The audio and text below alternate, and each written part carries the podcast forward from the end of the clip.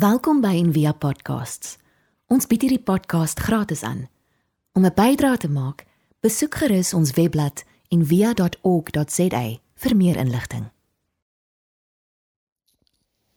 Een van die min Bybelstudies wat ek onthou in my lewe was by 'n kerk in Night Church in Pretoria wat een van my vriende daar in Arcadia gehad het. En die dit was 'n night church want hy het reg hierdie aand oop gebly. En dan kan enigiemand maar net daar inval. Um, en jy kon weet 'n koffie drink of wat ook al en partykeer was daar Bybelstudie. En die Bybelstudie daai aand was 'n ehm um, daar het 'n dominee gekom, 'n predikant en dit het gegaan oor die parel van groot waarde. En hy het vir ons gevra wat dink ons beteken hierdie gelykenis oor hierdie parel van groot waarde en ek het vir hom so baie lank verduideliking gegee en toe sê hy net vir my nee, dis nie dit nie. So ehm um, omdat hy vir my gesê het ek is verkeerd, kan, ek nie onthou wat ek gesê het nie. Maar ehm um, maar ek dink dit was 'n goeie verduideliking geweest, maar ehm um, en ek dink baie keer ja, vandag se praat wil ek praat oor hoe verkeerd kan jy wees en Thomas het by my opgekom want ek dink baie keer aan Thomas oor hoe verkeerd hy was. Jy weet ek dink miskien party van hierdie groot name in die Bybel. Ek wonder of hulle soos eh, in die toe die Bybel nou eers uitgekom het in hierdie vorm. Ehm um, of hulle toe nou vir almal in die hemel ook eksemplare uitgedeel het en dan blaai van die mense na die deel soos waar waar's ek? O, oh, hier's ek en dan ehm um, is Thomas is, is dit wat jy oor my geskryf het. Jy weet.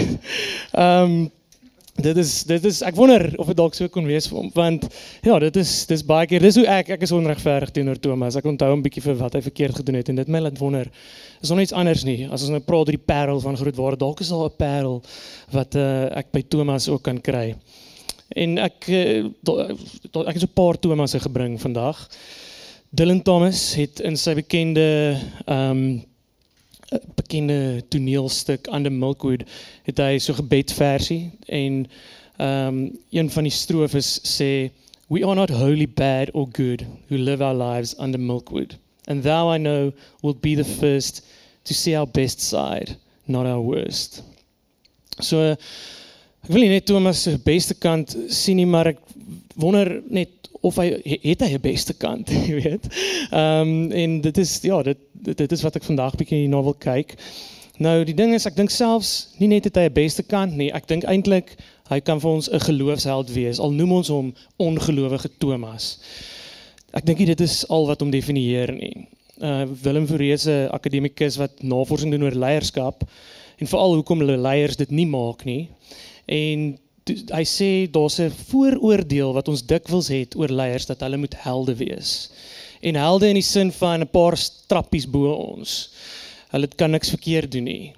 Dis net maar 'n interessante ding is as hy as jy gaan kyk na studies oor regte helde, mense wat regtig heldhaftig optree en ander mense red, dan kom jy agter hulle is nie 'n paar trappies bo ons nie. Dis maar net mense wat bereid is om kwesbaar te wees. Hy sê people who act heroically experience high levels of vulnerability.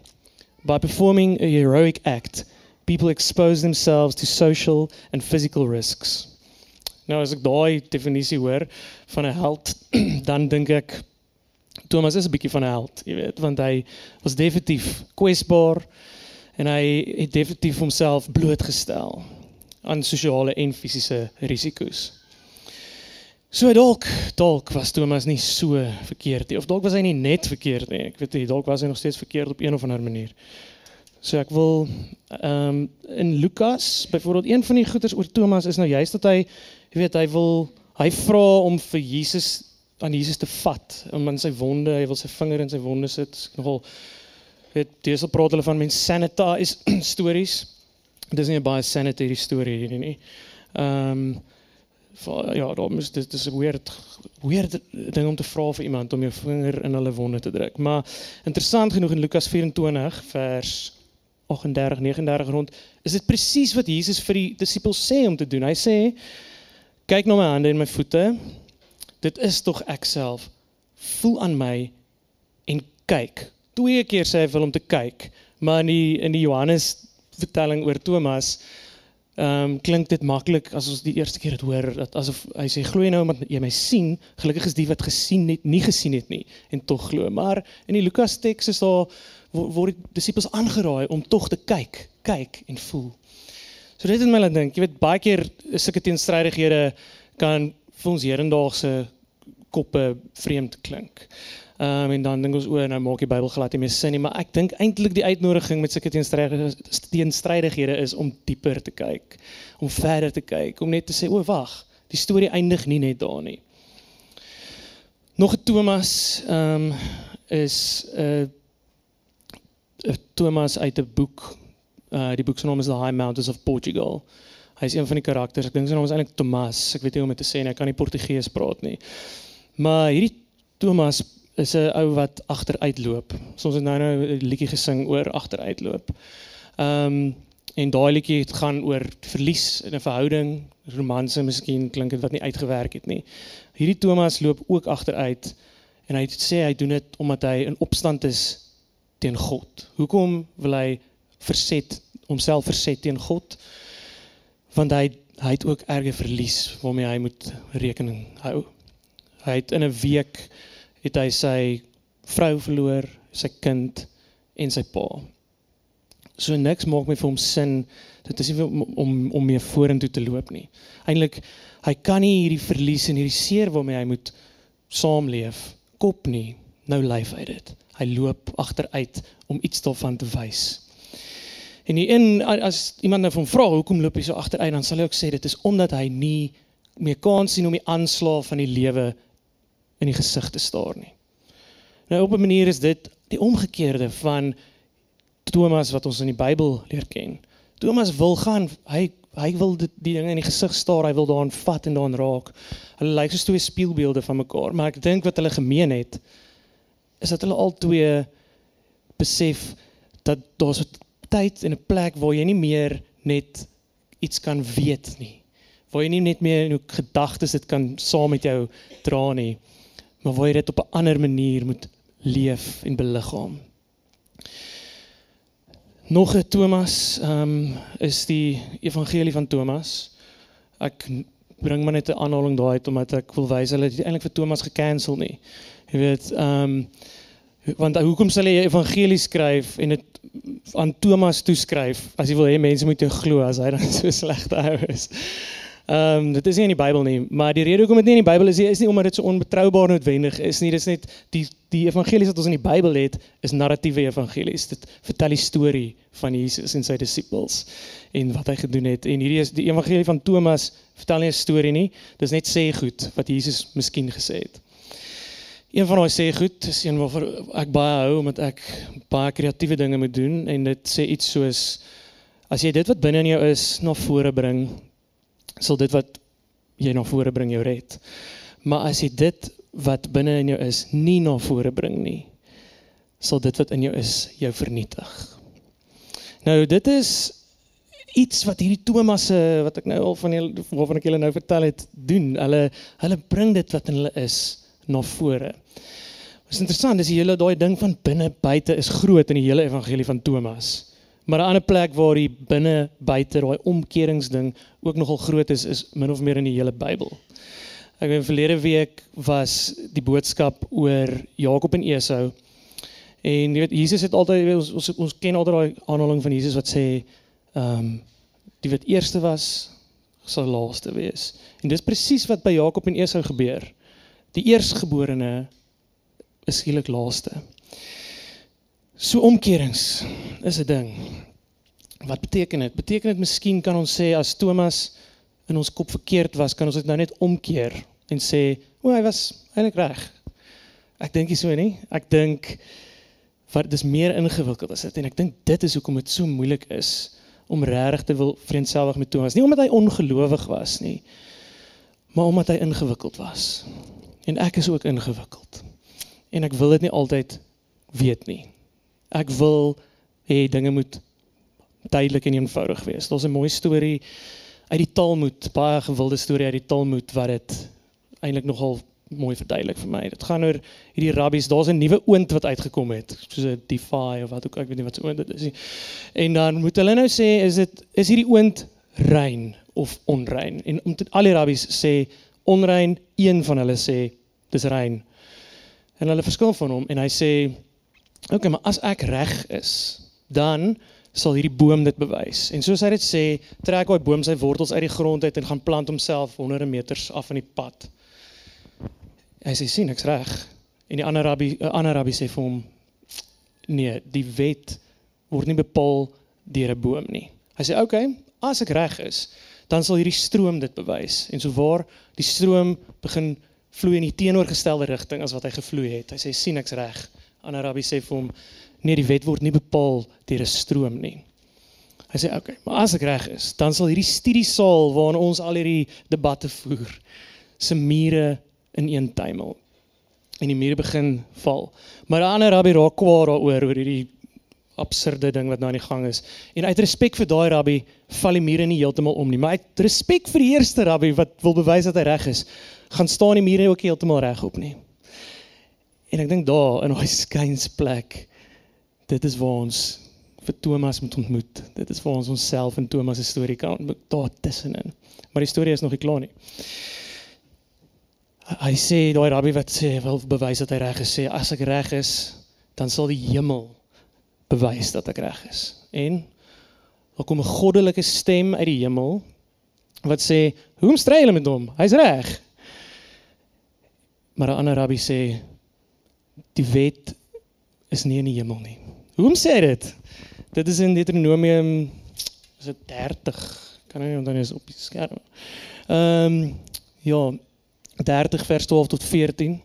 Wat sê dit is nie in die hemel nie sodat jy moet sê wie sal vir ons na die hemel opklim en dit vir ons gaan haal en ons dit laat hoor dat ons dit kan doen. Dit is ook nie oor kan die see nie sodat jy moet sê wie sal vir ons na die oorkant van die see oorvaar en dit vir ons gaan haal en ons dit laat hoor dat ons dit kan doen. Maar baie naby jou is die woord in jou mond en in jou hart om dit te doen. Terug by Thomas. Ek dink ons beleef iets by Thomas van in sy mond in sy hart iets wat hy doen. Daar is 'n navorsing gedoen oor hoekom ons so onsself so sleg hanteer ons toekomstige self. Hoekom spaar ek nie soos wat ek moet nie? Hoekom spandeer ek nou al my geld? En een van die redes is dat ons ons toekomstige self ons dink ons ken hulle nie. Ehm um, dit voel soos 'n vreemdeling. En ek dink dit is hoekom ons ons toekomstige self so stief hanteer sê hulle. Ek dink ek hanteer vir Thomas en die Thomas in my stief omdat ek dink ek ken daai Thomas nie. Maar as ek hulle wil leer ken, dan is dit nogal 'n uitdaging. Die rede hoekom ek hulle nie wil ken nie, daai Thomasse, is omdat dit my nooi om nie meer net my lewe op 'n afstand te aanskou nie. Maar om eintlik uit die kaart van my lewe in die wat sê my landskap van my lewe in te stap gepraat van die landskap, daai Thomas wat so agteruitloop in daai storie. Die storie se naam is The High Mountains of Portugal. Een van die probleme met daai naam The High Mountains of Portugal is dat daar blykbaar nie hoë berge is in Portugal nie. En dis wat hy moet ontdek. Hy moet hy moet in die landskap inloop om te verstaan wat is hierdie High Mountains of Portugal en ek moet dit ook doen. En maar wat dit dan van my vra is om weer bewus te word van my liggaamlikheid, my menslikheid. En dis 'n soort ek wil sê dis so 'n anti-YOLO, you only live once. Teresa van Avila het gesê, remember that you have only one soul that you have only one life which is short and has to be lived by you alone. And there's only one glory which is eternal. If you do this, there will be many things about which you care nothing. En ek dink dit is nie die tipe YOLO waar jy niks omgee oor wat jy doen nie. Dis juis waar jy moet begin omgee vir die werklikheid van jou lewe. As ek sê as ek in die landskap van jou lewe inbeweeg. Thomas as ek bietjie in sy skoene kan staan, as ek hom in die landskap van my lewe kan inbring miskien. Hy moes definitief seer gemaak het. Weer oor die eerste laaste ding Hy was nie eerste om vir Jesus te sien nie. Die ander disippels het eerste vir Jesus gesien. Hy was laaste. Ek sou hartseer gewees het. Maar erger as dit, ehm um, Jesus is nou net oorlede. Ek dink dit moes baie seer gewees het. Ek dink as Thomas ongelowig was, was hy waarskynlik ongelowig oor hierdie ou se dood saam met wie hy die laaste klompie jare spandeer het. Hy kon dit nie glo nie. Geen wonder hy wou dit beleef nie. As ek 'n fliek moes maak oor daai ontmoeting, sou ek vir Thomas laat vat dit aan Jesus se gesig of aan sy skouers, sy hande hou en sê o, jy is terug. Maar dit is nie wat Thomas wil doen nie. Die kunswerk wat ons nou gebruik het vir die ehm um, tema is soos baie kunswerke is. Ehm um, baie kunswerke oor hierdie verhaal wys dat Thomas tog aan Jesus geraak het. Maar is interessant dat in die teks weet ons nooit of hy wel het nie. Maar dit word so uitgebeeld. Maar waaraan wou hy raak? Aan die leemtes in Jesus se liggaam. Aan hy wil dit in die aan die wonde raak daar waar daar eintlik nie iets is nie. En ek dink dit weerspieël iets van die leemtes wat Thomas in homself moes voel. En dit is die uitnodiging, dit is hoekom ons dit nie so graag wil doen nie, dit, want dan moet ek daai leemtes in die gesig staar en dan moet ek daai leemtes voel in hierdie een lewe, hierdie een lyf van my wat ook eendag gaan doodgaan. Kom ons bid saam. God. Help my om nie meer so baie om te gee oor hoe reg ek is nie, maar om eerder uit te vind hoe om eg te wees. 'n Regte mens met 'n regte lewe, 'n regte siel, 'n kop en 'n lyf en 'n hart. Amen. Ons hoop van harte jy het hierdie podcast geniet of raadsaam gevind.